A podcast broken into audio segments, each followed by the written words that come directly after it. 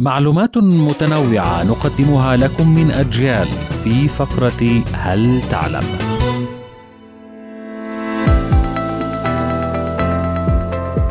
قرية عراق بورين البديعة جنوب نابلس والتي إن عشت فيها فلابد من أن تمرن نفسك على مهارات الاتزان لتجنب مخاطر متعلقة بالانزلاق والسقوط.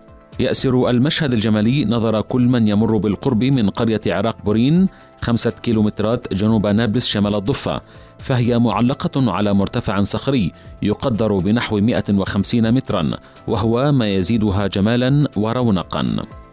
يقدر الخبراء عمر المرتفع الصخري بملايين السنين وقد تكون نتيجة عمليات تكتونية وهي تحركات بطيئة في باطن الأرض أدت إلى انزلاق الجبل وشكلت سطحه الخارجي أو ما يعرف بالجيموروفولوجيا